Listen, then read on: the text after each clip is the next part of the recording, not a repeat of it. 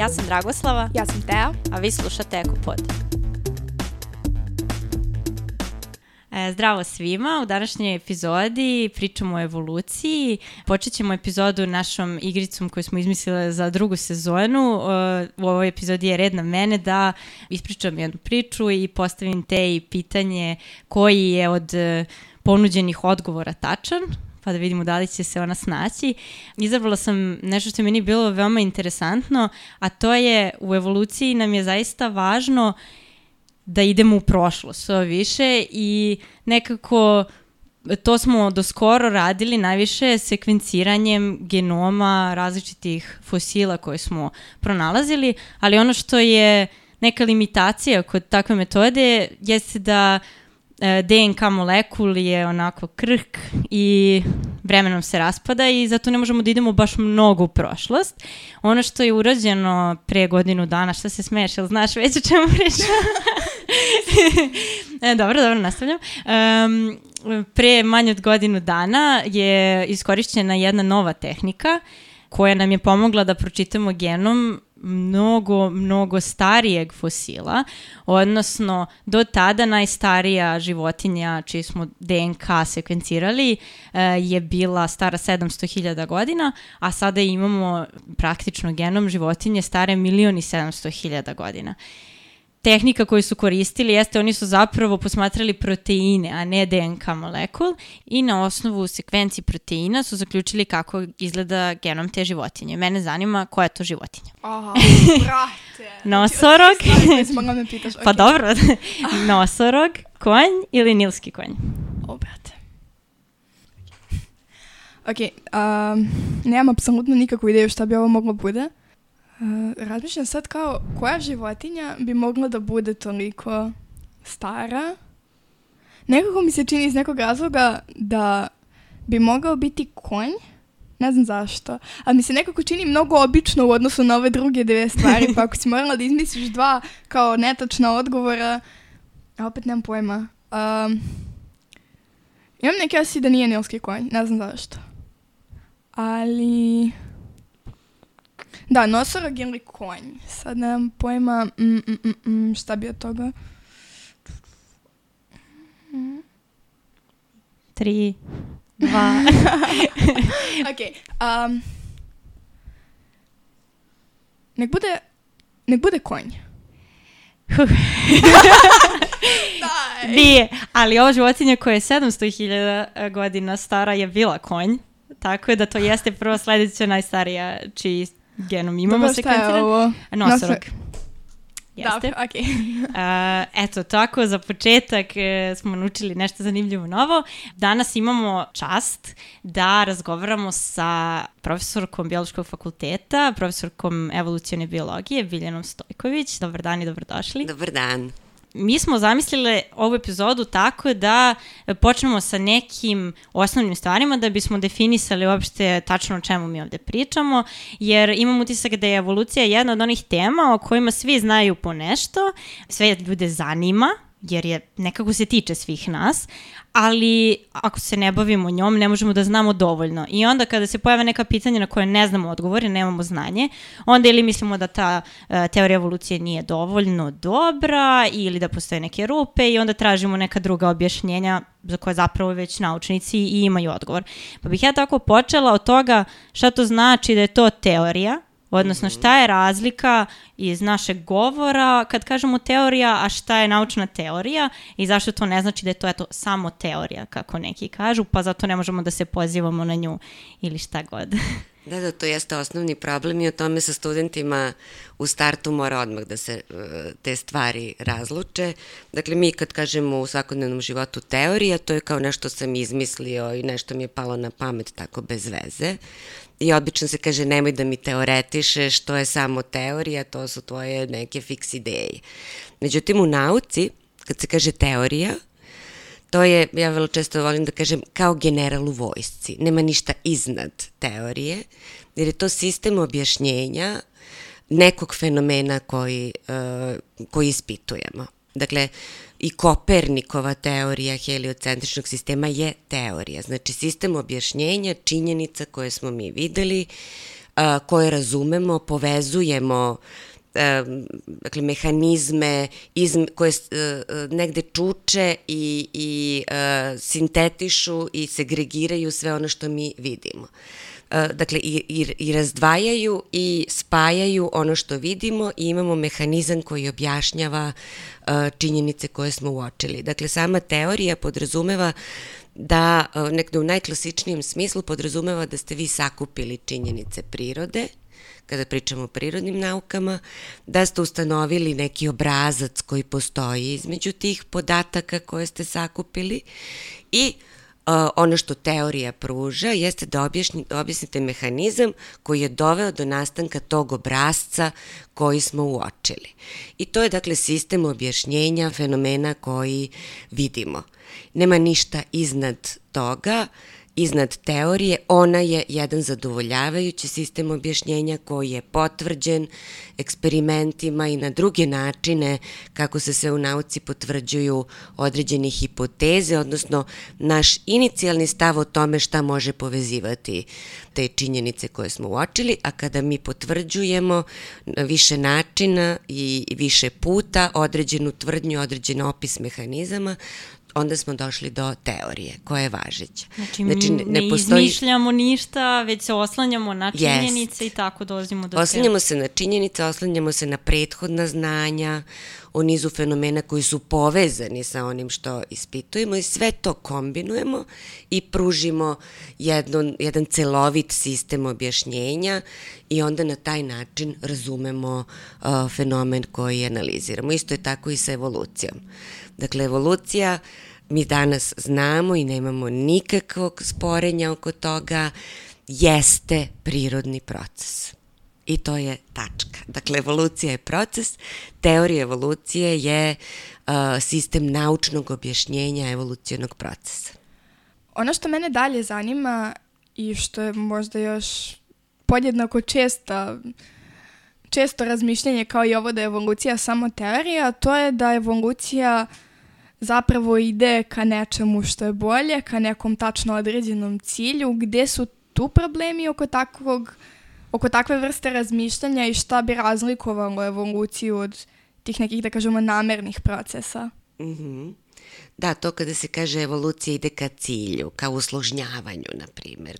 Organizmi su sve složeniji, to se kaže teleološki princip, dakle usmerenost ka cilju i to je odavno zapravo opovrgnuta jedna teza. To naravno ne znači da mi ne možemo kroz uh, proučavanjem živih bića danas, pa u odnosu na fosile i tako dalje. To ne znači da mi ne možemo vidimo zaista da postoji neki evolucioni trend usložnjavanja, ali to u stvari nije potvrda teze da je evolucija usmerena, da ima neki cilj, već e, prosto činjenice da je to pravac kad krenete od nečega što je jako jednostavno, ne može da ide ka još jednostavnijem. Na primer, nastanak prve ćelije je imao svoje prethodne korake koji su bili značajno jednostavniji i nije se moglo ići e, ispod predćelijskih e, stupnjeva, jer to bi značilo da vi nemate živi sistem.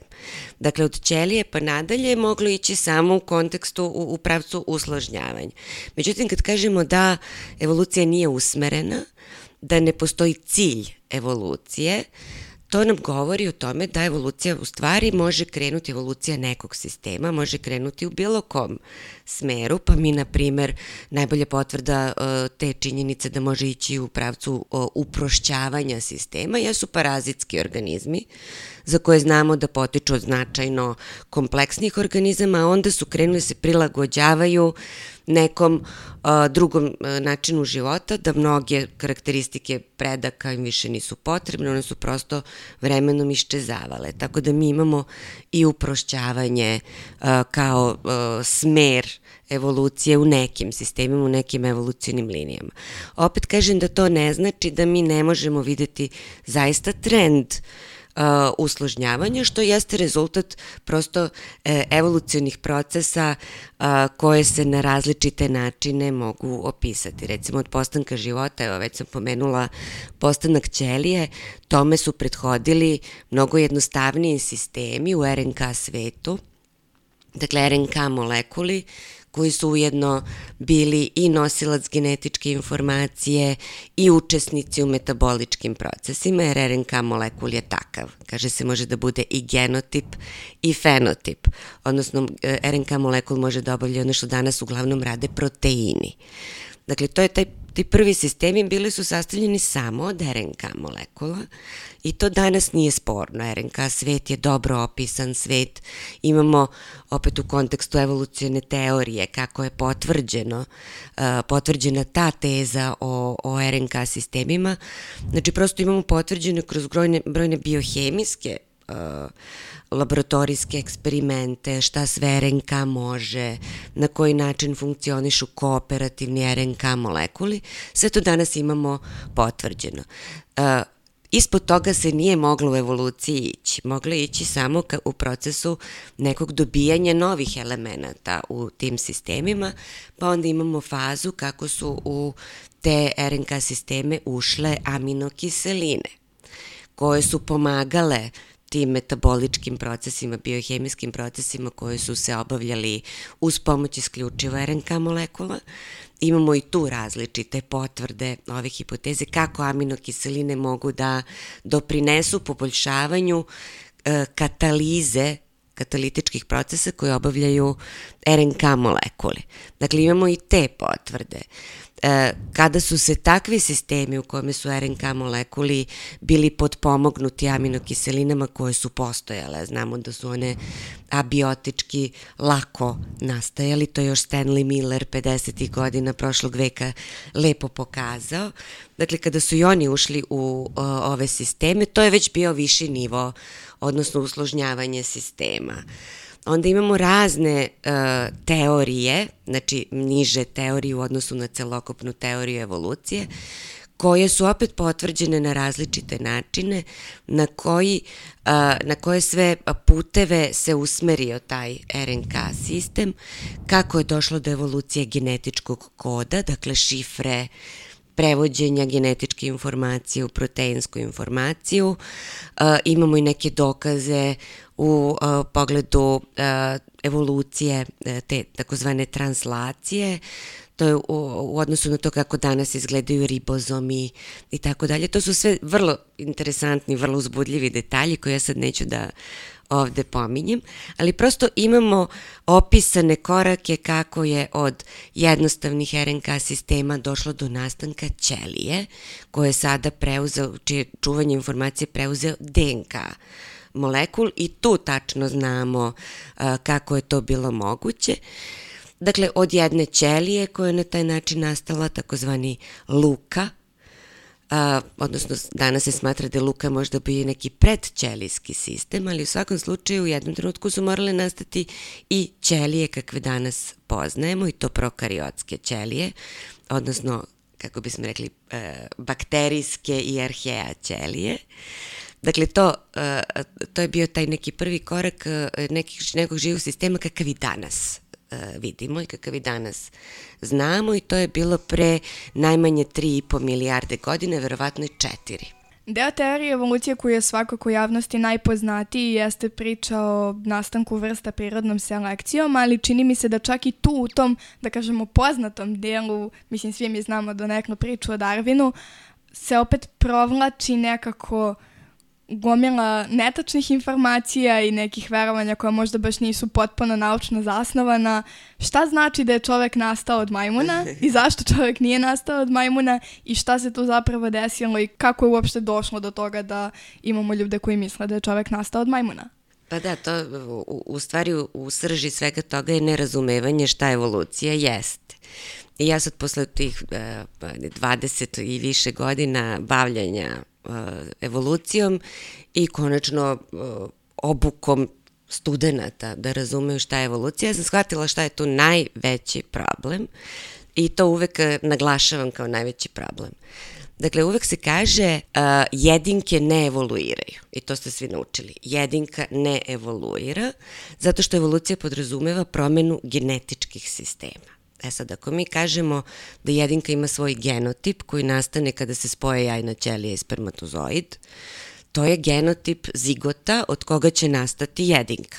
Znači, svi mi smo nastali od te jedne ćelije, oplođene jajne ćelije i ta kombinacija gena koju smo dobili od mame i tate, to je naša osnova. E sad, tokom celog života naše ćelije se naravno, dok mi rastemo i razvijamo se, ćelije se dele, diferenciraju i dobijamo organizam kakav jesmo mi. Suštinski, sve ćelije našeg organizma imaju isti genotip, odnosno istu tu kombinaciju gena koje smo dobili od mame i tate, što onda znači da jedinka ne evoluira. Ono što mi vidimo tokom života jedinke jeste da se ona menja fizički, ona raste i prolazimo kroz te periode, različite periode života. Dakle, od zigota do smrti, to je naš, naš životni ciklus i tu se svašta na fenotipskom nivou, na nivou našeg izgleda, funkcionisanja našeg tela menja, ali to nije evolucija. E tu sad dolazimo do problema. Ako jedinka ne evoluira, a reprezent živog je jedinka, je li tako?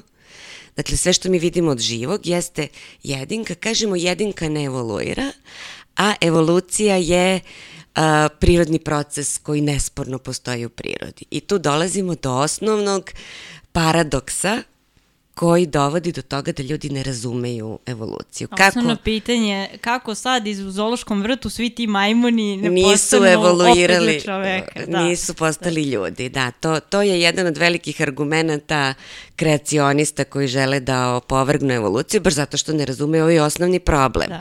Jedinka ne evoluira, a život evoluira. Dakle, e, e, tu je caka i tu kreacionisti misle da su vam doakali ukoliko vi ne znate, vi kažete upravo to, jedinka ne evoluira, život evoluira, to je paradoksalno i to uh, onda vaša priča evoluciji po njihovim stavovima pada u vodu. Dakle, to moramo da razumemo kao osnovni paradoks i kao osnovni kamen spoticanja zašto ljudi ne razumeju evoluciju. A evoluciju je najlakše razumeti upravo na, preko o, fenomena prirodne selekcije. Kaže se, e, osnovna jedinica evolucije je populacija, a populacija je grupa organizama iste vrste koji žive na određenom području, određenom arealu, evo ovde imamo ekologa, i međusobno se reprodukuju. To bi bila populacija. Kako onda ta populacija sastavljena od jedinki evoluira ako jedinke u toj populaciji ne evoluiraju? Dakle, pojenta je u tome, i to je još Darwin uh, rekao, i to je bila suštinska stvar od koje počinje naša naučna priča o evoluciji, on kaže sve jedinke su međusobno različite u pogledu naslednog materijala koji imaju i to mi danas znamo da je apsolutno uh, nesporna stvar. Svi smo mi od svojih roditelja dobili različite kombinacije gena i zbog toga je svaka jedinka jedinstvena i razlikuje se od svih drugih jedinki i od roditelja se ta jedinka razlikuje po kombinaciji gena koje ima. Samo se monozigotni blizanci ne razlikuju u kombinaciji gena. Dakle, U jednoj populaciji mi imamo vrlo različite jedinke po genima koje su dobile. Od teh različitih genotipova nastaju različiti fenotipovi u toj životnoj sredini u kojoj ta populacija živi. Znači svaka jedinka nosi neka različita svojstva, različite vrednosti nekih osobina, recimo kod ljudi imamo različite, različitu boju kose, različitu visinu, različitu boju očiju, neke fiziološke procese, biohemijske procese, znači međusobno smo strašno različiti. Neki od nas su u određenom, u određenim uslovima životne sredine uspešniji. Ajde sad ljudi nisu dobra dobar primer zato što mi imamo kulturu koja je te sve životne uslove dosta za sve nas uniformisala, pa tu sad neće biti razlika među nama u uspešnosti preživljavanja i reprodukcije. Ali da uzmemo, i to mi je najbolji uvek primer, a, populaciji zečeva. Populacija zečeva u nekoj u, u nekom prostoru, dakle areal jedne populacije zečeva, tu se zečevi razlikuju u genotipovima, Neki imaju, na primjer, duže, neki imaju kraće noge. I sad zamislite da u tu, taj areal te populacije upada uh, novi predator, populacija lisica. I zečevi su naravno uh, njen plen. i pretpostavimo da je dužina nogu kod zečeva jako važna za preživljavanje zečeva, jer oni koji imaju duže noge brže beže i zapravo jedinke sa dužim nogama koje imaju neke gene koje nose i koje obezbeđuju te duže noge, one bolje preživljavaju zato što pobegnu od tog predatora koji ih juri. One koji imaju kraće noge imaju manju verovatnoću da će pobeći od predatora, odnosno da će preživeti. To je prirodna selekcija. Dakle, bolje preživljavaju jedinke sa dužim nogama, samim tim imaju, ostavljaju veći broj potomaka, a to znači da u narednoj generaciji mi imamo više sada jedinki koji će činiti tu narednu generaciju u toj populaciji koji imaju duže noge. Kažemo, populacija je evoluirala. Ta generacija razlikuje se u pogledu i genetike, odnosno učestalosti gena, različitih varijanti gena, u ovoj generaciji odnosu na roditeljsku generaciju i u pogledu fenotipova mi imamo više sada jedinki sa dugačkim nogama zbog predatorskog pritiska u toj populaciji. To je evolucija. Ono što još u celu tu priču moramo da ubacimo, Dok se prave gameti, jajne ćelije spermatozoidi, dešava se replikacija molekula DNK, proces mejoze. To sve jesu procesi koji dovode do grešaka u naslednom materijalu, odnosno to su mutacije. Mutacije koje se dese u gametima, u jajnim ćelijama i spermatozoidima, će se preneti u narednu generaciju jer će od njih nastati zigoti, odnosno nove jedinke. Svaka mutacija koja je letalna, naravno to će dovesti do toga da ta jedinka neće preživeti i neće biti sastavni deo naredne generacije u populaciji. Ali postoje mutacije koje se ne primete, koje selekcija ne vidi, uslovno govoreći, odnosno koje ne dovode do toga da jedinka umre. Nego postoje tu u populaciji, e, nisu značajne ni za šta posebno, ali može se desiti kada se promene uslovi sredine da ta mutacija e, bude skopčana sa nekom osobinom koja je sada povoljna za preživljavanje u novim životnim uslovima. Ili, što je ređe, desi se mutacija koja je odmah povoljna za svoje nosioce, odnosno utiče na neku osobinu koja poboljšava preživljavanje jedinki u novoj generaciji, ona će se prosto održavati u toj populaciji. Sad zamislite prirodna selekcija koja prepoznaje te mutacije i mutacije koje se neprekidno dešavaju, to su kreativni procesi evolucije, dakle akumulacija mutacija koje E, čine dobro svojim nosiocima u svakoj narednoj generaciji, a povezane su sa nekim novim osobinama, sa poboljšanjem nekih svojstava organizama, dovode do toga da ta populacija sada počinje sve više i više da se razlikuje od one prve populacije, generacije te populacije o kojoj smo na početku govorili i to je evolucija. Konačno u tom procesu mogu nastati nove vrste, jer se akumulira mnogo toga novog, nastane mnogo toga novog, što znači da je sada to jedna grupa jedinki koje se međusobno ukrštaju, koje su značajno različite od one početne nulte generacije od koje smo mi počeli, počeli ovu priču. Dakle, posebno možete da imate situaciju da jedna vrsta se sastoji od više populacija – Ovi procesi koje smo opisali se dešavaju nezavisno u svim tim populacijama jedne vrste i nezavisno se odvijaju. U jednoj populaciji se odvijaju procesi akumulacije nekakvih mutacija koje onda selekcija prepoznaje, uh, favorizuje, akumulira. U drugoj populaciji se dešavaju neke druge mutacije e, prirodna selekcija u tom drugačijem staništu favorizuje neke, nekakav drugačije svojstva i vremenom te dve populacije nekada iste vrste počinju sve više i više da se razlikuju, tako da mi od jedne vrste sad imamo nastanak, na primjer, dve nove vrste. One više ne mogu, jedinke, te dve nove vrste više ne mogu međusobno da se ukrštaju. Tada kažem u biološkom smislu to su dve prave nove vrste. Dakle, krenuli smo od toga kako ljudi ne razumeju sam proces evolucije, Ovde ja bih se vratila opet na to objašnjenje kako mi objašnjavamo da evolucija jeste realan proces, a jedinka ne evoluira ovaj paradoks koji, o koga smo krenuli, koji na izgled jeste paradoks, rešavamo time i ovde je sad prosto jasno kako se to rešava.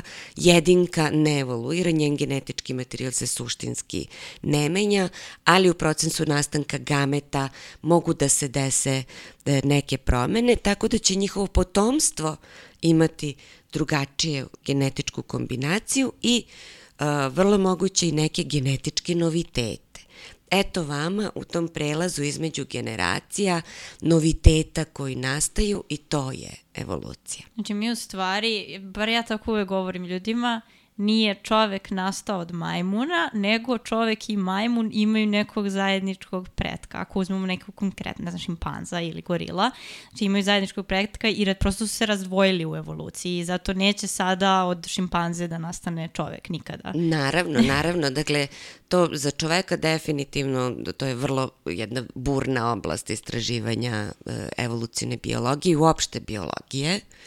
Dakle, tu imamo uh, nesporne podatke o tome uh, kada smo delili zajedničkog pretka sa različitim grupama majmuna. Dakle, ono što uh, gde mi pripadamo, to su naravno red primata i naravno familija hominida, to su takozvani antropoidni majmuni. Uh, tu znamo da smo se od gorile, znači za, naš zajednički predak uh, sa gorilom, E, je postojao pre oko 12 miliona godina, 12 do 9 miliona godina. E, dakle, e, taj predak je dao jednu evolucionu liniju koja je vodila današnjim gorilama i drugu evolucionu liniju koja je vodila današnjim ljudima i šimpanzama. Dakle, mi šimpanze smo uh, od tog zajedničkog pretka sa gorilama krenuli jednim putem evolucije i zajednički nam je bio taj put, znači taj neki, e, e, ta linija e, vrsta koje su sledile jedna drugu do pre oko 7-8 miliona godina. Tada smo delili poslednjeg zajedničkog pretka sa šimpanzama. Dakle, to je bio zajednički predak od koga su se odvojile, sad ako se setimo one malo pre priče kako od jedne vrste mogu nastati recimo dve različite. Pre 7-8 miliona godina krenuli smo nezavisnim putevima, jedna od tih vrsta je krenula svojom evolucijom ka današnjim šimpanzama, a druga vrsta koja se tada odvojila je krenula ka evoluciji čoveka današnjeg i svih naših evolucionih predaka čije fosilne nalaze i tekako dobro poznajemo i danas smo ih opisali, nemamo nikakvu dilemu oko toga. Um, Sad ste pomenuli fosilne nalaze, možda nije loše da objasnimo kako to mi znamo, koje su neke prelazne forme mhm. -huh. između različitih vrsta i kako mi znamo da je nešto imalo pretka koji je izgledao nekako drugačije. Mislim da to je isto česta nedoumica kod ljudi, zato što sada ove vrste koje mi sada vidimo su dosta različite. Mislim, mi kad se šalimo pa kažemo pa svi smo mi od arheare nastali, ali nekako taj, te stepenice kako doći do sisara, kako doći do bilo koje grupe uh -huh. uh, organizama. E, mi zapravo mnogo znamo, naučnici mnogo da. znaju, da. ali se o tome ne priča toliko i onda ako neko nema znanja, praktično kao da živi pre stotina godina. Znači, ima mhm. odgovore za sebe i za druge koji su ljudi imali jako, jako davno, koji su već zastareli i ja imam utisak da je stvarno sa evolucijom i to problem što ljudi misle da je evolucija nešto što je pričao Darwin ili čak Lamarck pre Darwina i uopšte ne znaju šta je dalje od toga. Možda je to problem i osnovno obrazovanje, osnovna škola, Ali eto, još samo to da, da prođemo kako mi mhm. znamo kako evolucija ide, šta su sve dokazi neke koje imamo. Da, da, možda je dobro to o, da, da ljudi zamisle. Uh, Dakle, e, ono što mi danas vidimo u sastavu živog sveta, biljaka, životinja, gljiva, algi, različitih e, prokariota, različitih protozoa, jednoćelijskih eukariota. Dakle, sve to što mi danas vidimo i što možemo da opišemo je samo jedan presek u evolucionom vremenu. Ako bi se vratili uh, samo milion godina unazad, taj presek koji bismo napravili, recimo da možemo da napravimo vremensku mašinu i da tim biologa se vrati milion godina unazad ili ajde 10 miliona godina unazad i da kreće da analizira biodiverzitet, e, kako, su, kako izgledaju vrste, koliko ima vrsta različitih grupa organizama, to bi izgledalo bitno drugačije nego danas. Dakle, to negde moramo uh, stalno imati na umu. Pre 10 miliona godina nisu, na primjer, postojali ljudi.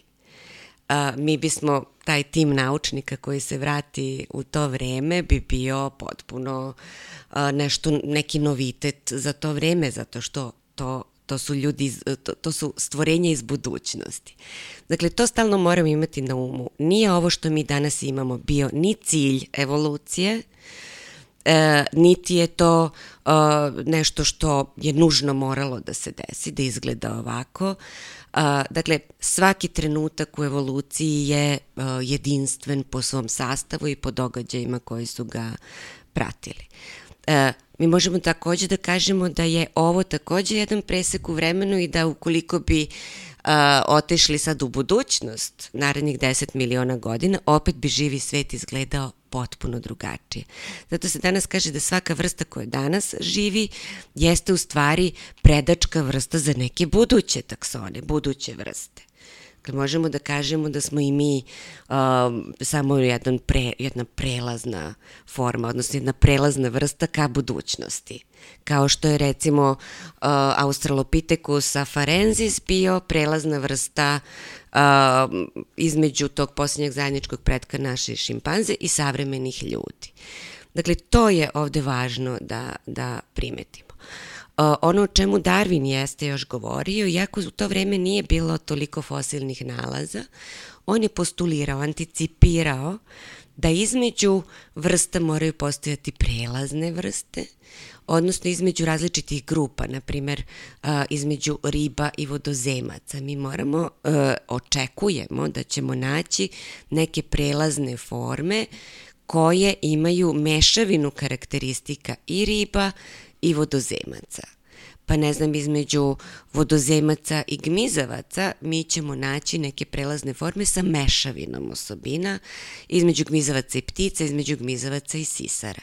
I mi to jesmo sve pronašli, to uopšte nije e, danas dilema. Dakle, ribe i današnje ribe. To naravno ne znači da a, će ribe nestati kad nastanu vodozemci. Mi, e, ribe i vodozemci imaju zajedničke pretke koji su najviše ličili na, na današnje ribe. Dakle, vi imate a, ribe koji danas žive, neka a, vrsta iz te gomile vrsta riba od pre 400 miliona godina u Devonu, a, je bila predačka za vodozemce. Ostale ribe su nastavile da evoluiraju svojim putem. Tako da mi danas imamo i e, veliki broj vrsta riba. Dakle, zna se recimo da taj prelazni, uh, taj takson, odnosno ta vrsta koja je bila predak današnjih vodozemaca, spada u dvodihalice i to se, ja mislim, uči i u školi. Dakle, dvodihalice koje su već, bile su dosta čudne ribe, možemo reći. Imale su od ribljeg mehura već razvijene e, neka buduća pluća. E, imale su specifične, specifična peraja koja su e, bila predačka forma današnjih ekstremiteta. Uh, u Devonu bilo je isušivanja, to znamo po ge, geološkim uh, i geohemijskim istraživanjima, bio je jedan sušni period gde su ti preci uh, današnjih uh, tetrapoda, znači svih kičmenjaka sa četiri noge, živeli u nekim uh, efemernim vodenim uslovima. Efemernim znači uh, dosta nestabilnim, mogućim da će se isušiti i tako dalje. Tako da su te sve druge ribe koje su živele u takvim uslovima su umrle. Jel? Kad se isuši bara, riba ne može da živi, ali dvodihalice su uspevale tu da opstanu, da udišu čak i vazduh i onda je prosto imal, postoje selektivni pritisak da te, e, te neke predačke strukture evoluiraju na način koji će uh, formirati i šaku i uh, rameni, ramenski pojas i karlični pojas i tako dalje. Mi smo pronašli takve fosile koji jesu e, prelazni između riba i vodozemaca, nepoznati onaj tiktalik koji je otkriven, ja mislim, 2004. godine e, negde u nekim slojevima u, e, na severu naše planete. Znači tiktalik, ali i on nije bio a, najstariji predstavnik tih prelaznih oblika, postoje još stariji, tako da se to precenjuje pre oko 400 miliona godina da smo mi dobili kopnene kičmenjake. I recimo to je, to su vrlo poznati fosili. Naravno, naravno Archeopteryx između gmizavaca i ptica kao neki prelazni fosil, iako on nije bio predački za današnje ptice, ali svakako reprezentuje jednu veliku grupu prelaznih vrsta koje su postojale između gmizavaca, odnosno e, pripadali grupi dinosaurusa o, u toj e, eri gmizavaca i današnjih ptica. Dakle, imamo e, imamo između gmizavaca i sisara a, mi, e, zaista jako puno vrsta koje jesu mešavine jednih i drugih karakteristika današnjih vrsta. Jedna od stvari koje možemo saznati kada se bavimo evolucijom i kada shvatimo zapravo šta je od čega tu nastalo, e, jeste i razumevanje nekih filogenetskih odnosa, odnosno šta, šta je tu srodno, šta tu nije srodno i danas se to radi genetičkim istraživanjima -hmm. po principu koliko im se podudaraju genomi, toliko su oni srodni. Ono što bi možda naše slušalce moglo da zanima jeste kako smo dotle došli, šta smo radili pre toga i zašto to što smo radili pre toga nije bilo dovoljno dobro da otkrijemo koje su vrste srodne, a koje nisu. Da, pa tu postoje različiti problemi u tom istraživanju. Pre nego što je razvijena genomika, tehnike molekularne biologije danas sve bolje i bolje, sve savršenije naravno, radilo se na osnovu onoga što se vidi. Znači na osnovu izgleda tela, na, osnovu neke unutrašnje anatomije, morfologije, tkiva i tako dalje. To su takođe, to su takođe nivoji organizacije gde vi možete da vidite postoje sličnosti i razlike i to se dosta dobro radilo, moramo reći. Nije nama molekularna biologija toliko bitno promenila naše razumevanje evolucije, to je potpuno nesporno. Recimo, mi danas znamo da kitovi jako liče na ribe, nisu ribe ali za, to nije samo da danas znamo, to znamo već dugo i pre bilo kakve molekularne biologije. Prosto to znamo zato što za razliku od riba kitovi imaju kosti koji imaju e, svi drugi kopneni kičmenjaci, a, takođe, dakle, imaju sve ove kosti prednjih i zadnjih ekstremiteta, naravno prilično rudimentirani i drugačiji izgledaju kod kitova nego recimo kod krave, znači zaista bitno drugačije izgledaju, ali mi možemo da nađemo sve te koščice tu. Takođe, znamo da kitovi imaju matericu, da se e, njihovi mladunci razvijaju tokom trudnoće u matrici kao i kod svih sisara. Imamo takođe dojenje E, malih kitova. Dakle, znalo se i pre bilo kakve genomske analize da kitovi nisu ribe, nego su sisari, koji su se naknadno, dakle jedna evolucijna linija koja je naknadno ponovo naselila vodene sredine, tu spadaju naravno srodni delfini i to su ti vod, danas vodeni uh, sisari. Dakle, mnogo toga nama može da ukazuje na to, e, pored samih genoma, šta je čemu srodno. A, uglavnom, ono što prilično liči, znači da jeste, e, da neke te dve grupe organizama jesu srodni, ali imamo ovde, na primer, ovaj slučaj koji sam i navela, to su kitovi i ribe, Ribe su, dakle, vrlo, vrlo filogenetski udaljene od današnjih sisara, a samim tim i od kitova. Zašto kitovi liče na ribe? To se zove E, to možemo nazvati paralelnom ili konvergentnom evolucijom. Dakle, da su to jednostavno selektivni pritisci na a, život u sličnim životnim sredinama, tako da su kitovi, a, bez obzira što nemaju škrge, što nemaju a, peraje kakve imaju ribe, došli do toga, odnosno tokom uh, evolucije tih selektivnih pritisaka za život u vodi, došli do formiranja i favorizovanja struktura koje liče na riblje, jer je to negde optimalna e, optimalna forma tela za život u vodi ono što smo zaboravili, kitovi takođe nemaju škrge kao što ih imaju ribe, oni, uh, oni dišu na pluća. Dakle, to sve jesu sisarske karakteristike i zbog toga mi to uh, danas nesporno znamo. Naravno, kada sad analiziramo i genome, mi apsolutno smo uh, na svaki način sigurni da kitovi nisu ribe. Eto samo jedan od primera. Imamo i fenomene koji se zovu horizontalna uh, evolucija, odnosno horizontalni transfer genetičke informacije. Tako da neke karakteristike mogu da se pojave u jednoj evolucionoj liniji iz neke vrlo udaljene evolucione grane, zato što je genetički materijal prosto prešao u tu drugu granu i to se dešava u različitim vektorima, na primjer virusi vrlo lepo prenose neku, neke gene iz jedne vrlo udaljene vrste u neku drugu vrstu sa kojom u stvari dele vrlo, vrlo e, daleke, daleke evolucijne pretke i ne bismo očekivali da, e, da imaju tako slične, e, slične neke delove genoma kao što to pronalazimo. Dobro, dakle, to što mi vidimo da su neka dva organizma slična na oko, ne mora da znači da su oni srodni, ali da li imamo i neke primere gde je obrnuto, gde su neke jedinke srodne, odnosno njihove vrste su srodne, ali one ne izgledaju ni približno isto i ne bismo ih nikada povezali. Da, imamo i, i, i e, takve slučajeve. Evo, opet da se vratim, to su najupečatljiviji primeri, da su kitovi recimo vrlo srodni nilskim konjima a da a svi oni su vrlo slodni, srodni sa papkarima, na primjer kamilama. Ko bi rekao, jel da? Da.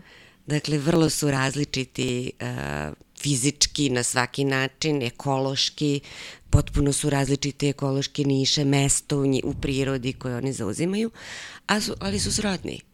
Da. Dakle, to, to je vrlo zanimljivo. Ko bi rekao da su kitovi papkari? da? Mislim da se to često dešava i sa biljkama. Jeste. Da, da ne bismo nikad stavili ovako na oko neke biljke u isti rod, na primer, a u, ist, mm -hmm. u isti rod spadaju, prosto kad sad znamo sve njihove karakteristike. Uh, mene još zanima jedno ovako isto važno pitanje, a to je, na primer, oko ili neki tako savršen, po znacima navoda, organ koji je nastao evolucijom, ali je generalno svima teško da razumeju kako nešto toliko kompleksno može da nastane vremenom, slučajnim procesima. Mm -hmm. e, kako to da objasnimo, na primjer, nekako da bude dovoljno razumljivo? Da, da, da, pa to opet jeste jedan od argumenta kreacionista. Ja se vraćam na to, jer to jesu argumenti, yes. na primjer, ako znamo nešto o evoluciji, naučili smo u školi, znamo evoluciju u redu, ne, ne dovodimo ju u pitanje, ali nam onda neko kaže to, ali kako je nastalo oko. I onda, ako ne znamo dovoljno, mi ćemo reći pa da, kako... Da, ljudi se I pokolebaju. Upravo to, zato se ja stalno vraćam na ta pitanja, mislim da, da to treba da najviše o, o, Jeste, objasnim. taj argument kod kreacionista se uh, zove nesvodljiva složenost. Dakle, oni uh, kažu, kreacionisti, uh, ako imate oko koje jeste vrlo složen jedan sistem, nesporno, od gomile delova se sastoji, funkcioniše uh, vrlo jasno, dakle, to je jedna složena funkcija, onda oni kažu, ako oduzmete bilo koji deo, na primjer sočivo oka, oko ne može da e, izvršava svoju funkciju. Koliko uh, mrežnjaču izuzmete ili bilo šta, vi dobijate nefunkcionalni organ. Dakle, da bi oko funkcionisalo, morali su odjednom da nastanu svi ti delovi i da se upravo tako uklapaju. Ako kažete odjednom, i to tako pametno sklopljeno, onda vam to odmah sugeriše, postoji neki tvorac koji je bio toliko pametan da baš sklopi sve te delove da bi oni tako funkcionisali. Dakle, to nama kreacionisti kažu. Međutim, to apsolutno nije tačan argument, zato što vi kroz, e, kada pratite sad filogeniju uh, oka, odnosno um, organa vida, kako god izgledali, pa čak i kod jednoćelijskih eukariota, fotopigmente koji jesu sastavni deo oka, čak i e, kičmenjačkog oka, ovog najkompleksnijeg, vi ćete doći do toga da e, svaki od tih delova postoji u nekim od jednostavnijih formi, da e, imate postepenost dodavanja novih delova, pre nego što je nastalo oko kičmenjaka koje se smatra najkompleksnijim i najsavršenijim. Dakle, sve je nastajalo postepeno, oko nije funkcionisalo od uvek ovako kako uh, danas funkcioniše, e, prosto se vremenom su se ti elementi sklapali, doterivali i usavršavali, uslovno govoreći. To ne znači da je naše oko i danas savršeno, ne znam, sigurno se sećate iz škole, iz neke optike, čak i iz fizike, mi vidimo uh, slike obrnuto. Znači mi imamo naopačke vid. Ono što se projektuje kad prođe kroz sočivo uh, neka slika, mi dobijemo obrnutu sliku. A, ukoliko naš mozak ne bi umeo to da prosto da se mi naviknemo da ono što vidimo je upravo obrnuto od onog što, što, nam, se, što nam oko predstavlja, mi bismo, ne znam, imali utisak da hodamo na opačke možda ili nešto uh, tog tipa, ali prosto eto, to je jedna nesavršenost. Naš vid je obrnut od onoga uh, što, što, što mi prosto mozgom na kraju uh, saberemo i razumemo da jeste svet oko nas. Dakle, uh, ne stoji argument nesvodljive složenosti iz razloga što mi kroz evoluciju, kada i današnje savremene organizme analiziramo, mi vidimo koliko tu ima doterivanja čula vida na vrlo različite načine u vrlo različitim evolucionim linijama. Nismo mi jedna, jedina evolucijona linija koja ima oči. Za kraj jedno onako zanimljivo pitanje. Stalno se nekako kod ovoga čovek je nastao od majmuna provlače oni crteži gde kao majmun ide onako nisko i onda postepeno ustaje i postaje čovek kao da je čovek nešto najbolje, neki vrh vrha, vrhova evolucije i stalno nekako se na to skreće pažnje ako znamo da nismo ništa drugo do samo još jedna vrsta od miliona i milijardi njih. Ali ono što mene zanima jeste mi smo jedina vrsta koja konstantno izbegava svaki evolutivni pritisak. Mm -hmm. Imamo primere ljudi koji, na primjer, ne znam, e, ljudi koji, na primjer, imaju oštećen vid. Oni da li bi preživeli u uslovima kakvi su postojali pre miliona godina, teško da bi, zato što prosto kao kao ljudi oslanjamo se na vid za većinu stimulusa koje primamo i mnogo je teže preživeti bez tako nečega, ali opet imamo konstantno sve više i više ljudi nam sad nosi naočare, ali mi smo našli način da to, da to popravimo. Mislim, ovo je samo jedan od primjera gde su ljudi potpuno zanemarili bilo kakvu vrstu evolutivnog pritiska. Zašto ljudi? Zašto? Mislim, nismo jedina ljudska vrsta koja je ikada živela. Bilo je mnogo vrsta našeg roda homo koje su živele pre nas sa nama. Uh mhm. Koje smo neke možda i uspeli da istrebimo sa lice zemlje, zašto homo sapiens? Znači, zašto smo mi jedini koji smo uspeli sve to da nekako podvedemo pod svoju volju i da radimo šta nam se prohte u suštini sa, sa ovom planetom?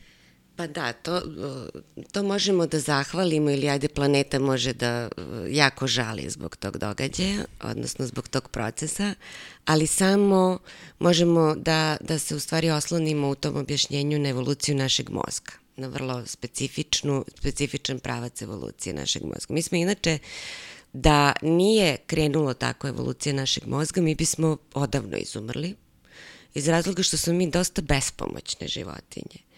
Dakle, dakle niti smo brzi, niti smo neki dobri lovci, niti imamo kanđe, a sad to sve nemamo iz drugih razloga, adaptacija na život na drvetu, a mi smo sišli iz drveta. I e sad siđete sa drveta, niste ni brzi, niste ni dobri lovci, nemate ni očnjake, ne možete da kidate e, životinje oko sebe. Dakle, e, bilo je verovatno sve, već je bilo verovatnoća da ćemo prosto da nestanemo. Dakle, tu ne govorimo o savremenim ljudima, govorimo o svim onim precima, počevši od Sahelanthropus chadensis, Aurorintugerensis, imamo Andardipithecus, Australopithecus, to su sve te, i pri čemu brojne vrste koje spadaju u rod uh, Australopithekusa, pa posle roda Homo, koji su postojale u isto vreme na različitim mestima, pa onda neke nestajale, neke se pojavljivale i tako dalje. Dakle, a, ovo što hoću reći, ne govorim samo o, o, o, to su sve naše predačke vrste, sve one bi nestale. Da se nije krenulo, odnosno da se nisu desile e, neke genetičke promene koje danas znamo da jesu vezane za promene u razviću našeg mozga. Znači, svi se mi rodimo sa određenim genetičkim kapacitetom za razviće mozga. Kod nas tu postoje, sad su to vrlo zanimljivi detalji za koje sad nemamo e, ni vremena, šta se sve tu desilo u genetici razvića našeg mozga koje nas razlikuje recimo od najbližih srodnika šimpanzi.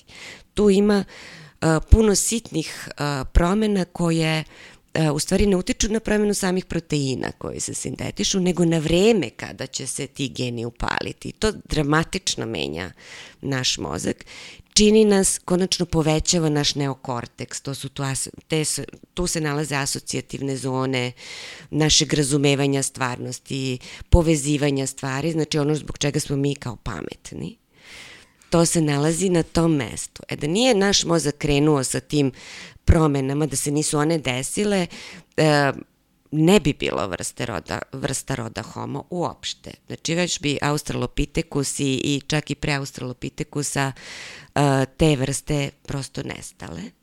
Dakle, jedina, jedino naše oruđe je bio mozak.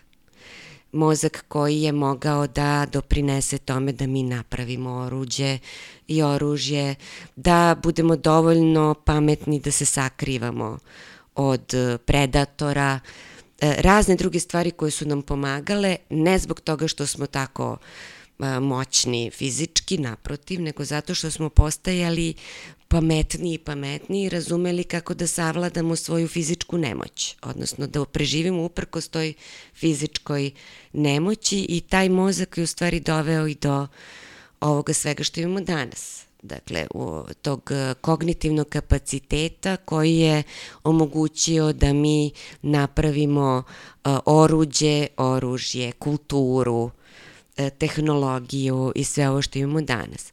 A konačno i ovo što ste pomenuli, a to je da smo mi napravili takvu životnu sredinu sebi u kojoj možemo da preživljavamo čak i sa različitim falinkama. Ja mislim da je to jedino lepo dostignuće civilizacije, dakle da vrlo različiti ljudi koji recimo zbog nekih fizičkih nedostataka ne bi mogli da opstanu, ali su pritom intelektualno fenomenalni i doprinose značajno ovoj našoj civilizaciji, mi možemo, oni mogu da prežive, oni mogu da doprinose e, našoj kulturi i svemu onome što nas okružuje. Dakle, to je jako dobra stvar, znači medicina, e, način da, ne znam, ne umremo od zime zato što imamo grejanje u stanovima i tako dalje. To je sve jako dobro, a s druge strane, dosta smo upropastili planetu, tako da je često kažem da sa evo, tog globalnog stanovišta mi smo velika greška prirode i da postoji neko od ozgo kao što ne postoji i da je razmišljao o tome da li kako da napravi ovaj svet, sigurno ne bi ovako pogrešio. Mi smo ipak e, dosta velika greška i mi ćemo da upropastimo celu planetu i ceo ovaj živi svet, ni, ni krivog ni dužnog ćemo ga dovesti do propasti, čini mi se. I uvek volim da kažem da iako ćemo nažalost uništiti sve to, na kraju ćemo verovatno mi uništiti sebe i odnosno ljudsku vrstu, planeta mhm. će nekako da preživi to u drugačijem obliku, ali na kraju krajeva, ako nam nije toliko stalo do svog tog živog sveta, moramo da razmišljamo da mi zavisimo od cijele te planete. Mi smo njen deo, a ne da je ona naše neko oruđe za preživljavanje. Tako da uvek volim da završim sa tom mišlju da moramo da nastavimo i da budemo deo prirode, koliko god da smo nekako izašli iz nje. A isto, baš smo i u prošloj epizodi pominjali, ja nekako stalno volim da razmišljam da je ta naša naše izbegavanje prirodnih procesa, prirodne selekcije u stvari naša evolucija. Jednostavno, na primjer, održavanje ljudi koji bi bez svega što smo mi napravili, ovo što ste sad pomenuli, uh, kada oni ne bi mogli da prežive, mi ne bismo nast napredovali toliko zato što oni ne bi bili tu da nam pomognu. Uh -huh, Baš ovaj primjer yes. koji ste dali. Tako da nekako naše čuvanje loših osobina, da tako kažemo, uslovno, uslovno rečeno, uh, zapravo nam dodatno omogućava da još napredujemo. Tako da je vrlo čudno, uvijek se zbunim, ne znam. Jeste, jeste, uvijek čudno. da. Pa to je taj osnovni problem što uh, mi ne želimo da priznamo da smo deo prirode. I negde na tom uh, talasu uh, naše izuzetnosti i našeg, ne znam, uh, uh, vrlo često se predstavlja da smo mi bili cilj evolucije. Uh, dakle, ili je uh, onaj uh, najbanalniji religijski moment da je čovek nastao zato što ga je kreator stvorio po svom liku, već kako znate da, da to piše u tim različitim svetim knjigama, e, to sugeriše da sve ostalo jeste stvoreno zbog nas. A, imate vi biologi koji misle, a, koji jesu deterministi u tom smislu da je sve vodilo nastanku ovako jednog inteligentnog bića, pa da mi negde i jesmo taj vrhunac evolucije. Dakle, nije to samo pitanje a, religije, ali u svakom slučaju E, svako od ovih, od ovih stanovišta koje mogu biti do nekle različita, ali u konačnici dolazimo do istog rešenja. Mi smo taj vrhunac.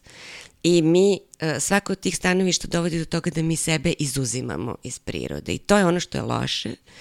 I to je razlog zbog čega mi tako besomučno uništavamo prirodu.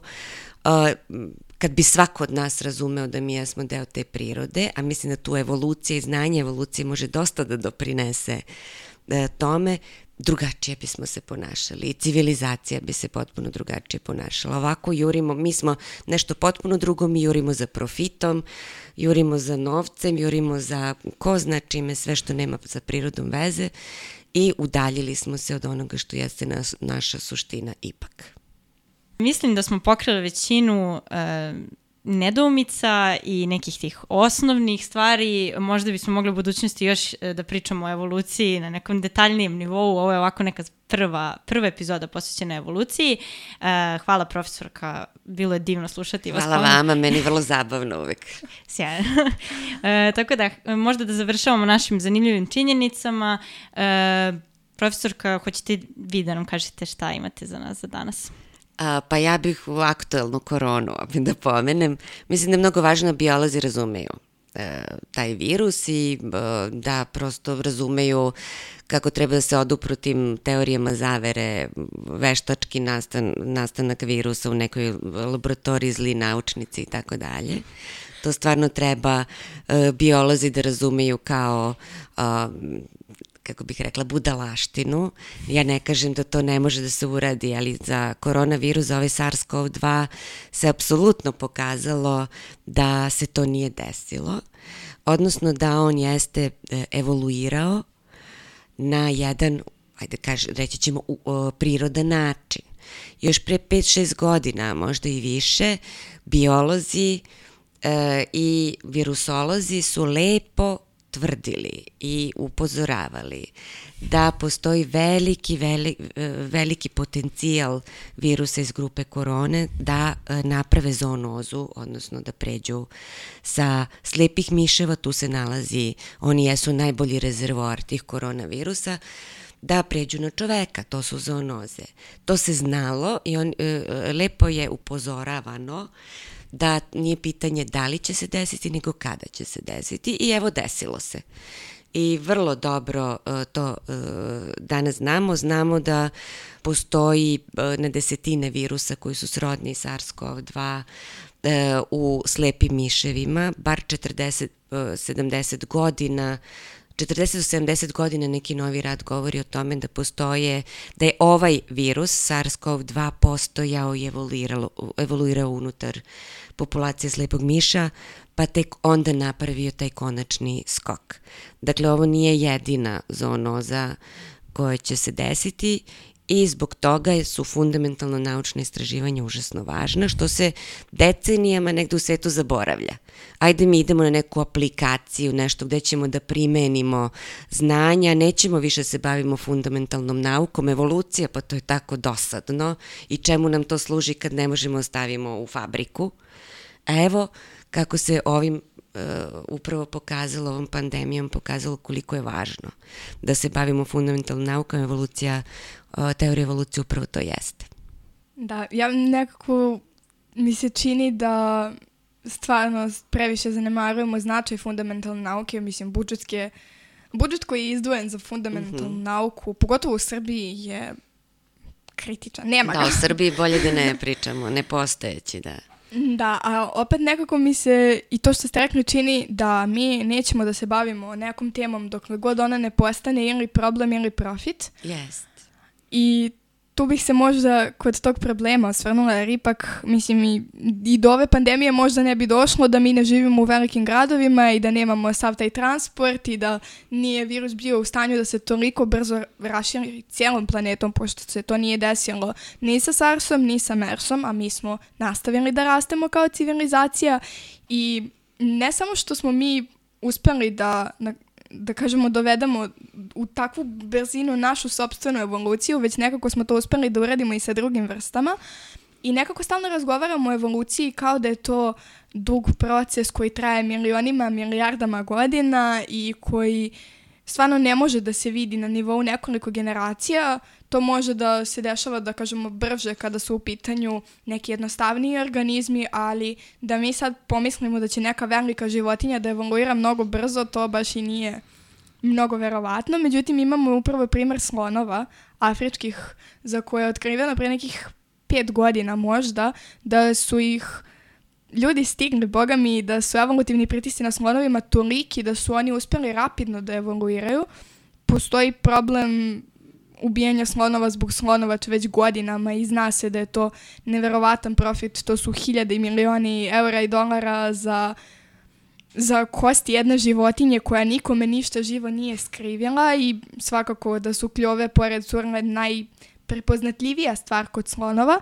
Međutim, to bi se možda moglo promeniti i činjenica je da vremenom, kako su ljudi nastavili da izlovljavaju, a lovili su pre svega slonove koji su imali velike kljove, slonovi koji imaju manje kljove i čak slonovi koji su rođeni bez kljova, zapravo pokrenuli su evoluciju slonova u tom nekom potpuno drugom pravcu i primećeno je da u periodu 60. godina pre nego što je počelo da se da se izlovljava toliko masovno i u periodu nekih, da kažemo, 90-ih i 2000-ih postoji jako velika razlika u dužini i veličini kljova. Znači, slonovi su počeli da smanjuju svoje, da kažemo, transformisane zube, koji njima služe da bi oni ugrabili hranu zato što će to njima omogućiti da oni ne budu ubijeni i prodati posle. Da, tu bih dodala i vrlo važni za seksualnu selekciju, znači za to uh, privlačnost u reprodukciji i tako dalje, ali to može se promeni očigledno,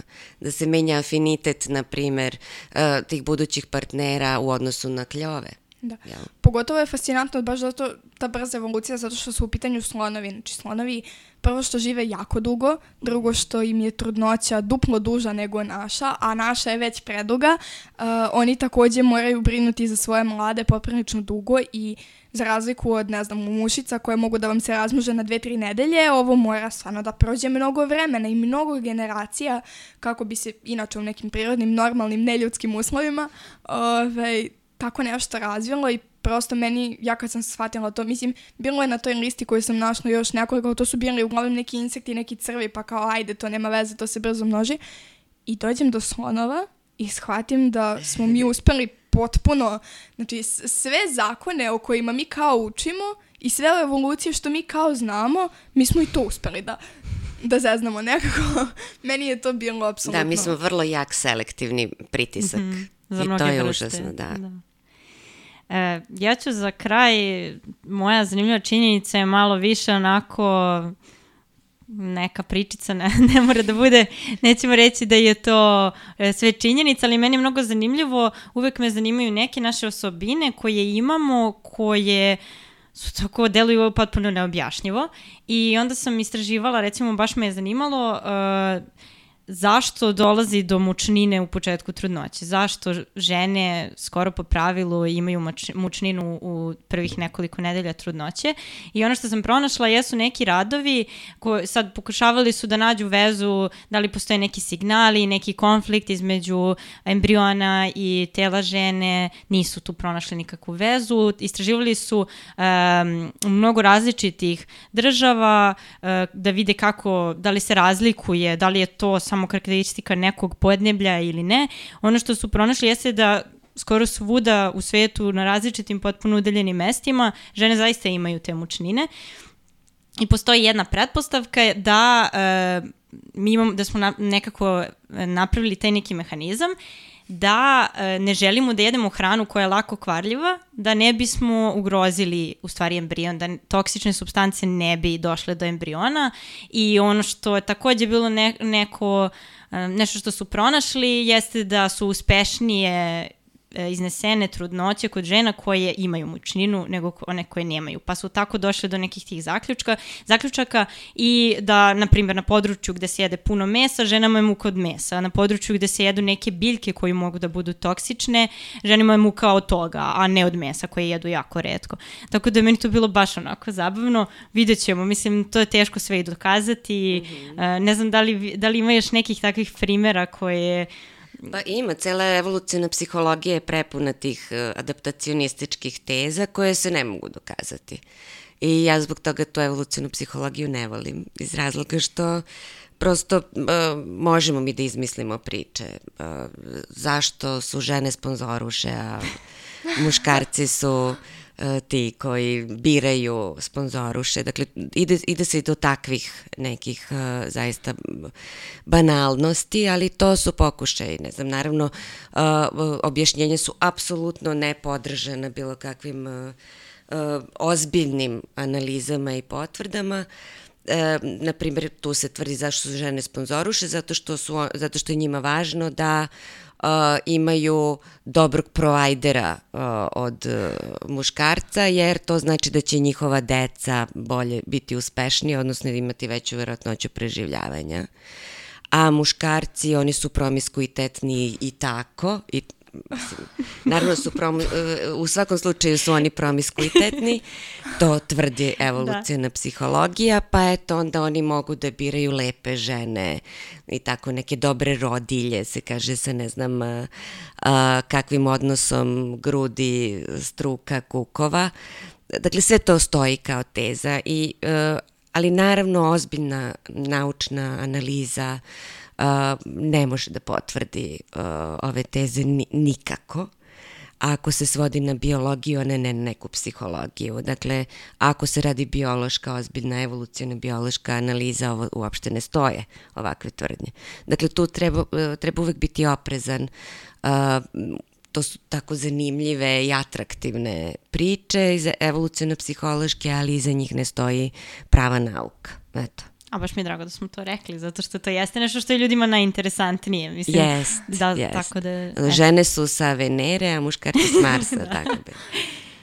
Da, pa eto, to je bila naša rubrika zanimljivih činjenica. Podsjećamo vas da, kao i nakon svake epizode, možete glasati za najbolju zanimljivu činjenicu na našoj Patreon stranici. Takmičenje se nastavlja, vidjet ćemo ko će na kraju ove sezone biti zadužen za bonus epizodu. Vama, profesorka, hvala još jednom. I hvala ja... vama, bilo je vrlo zabavno. I ja bih iskoristila priliku, s obzirom na to da smo ukinuli rubriku citata, da završim jednim citatom iz jednog teksta koji sam pisala na nekom blogu, zapravo mog prvog teksta.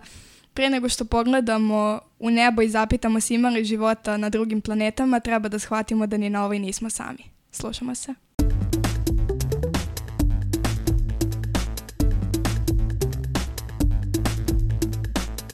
Zdravo svima, ja sam drugi mikrofon. Jel glasno, jel nije glasno, jel previše, jel premalo, bla bla bla. Ha ha ha. Dobro, neće tako smeti sigurno. Pa pričam normalno, ja pričam glasno, to je norm, moje normalno. E, danas je baš bilo zabavno, ni sve krenulo na pačke, nisam ponala kabel. Ja pokušam se malo udaljim da ne bi probijali oni p, p, bum, bum. Ali dobro, naša gošća je Biljana Stojković, profesorka Biološkog fakulteta. Dobar dan, dobar dan.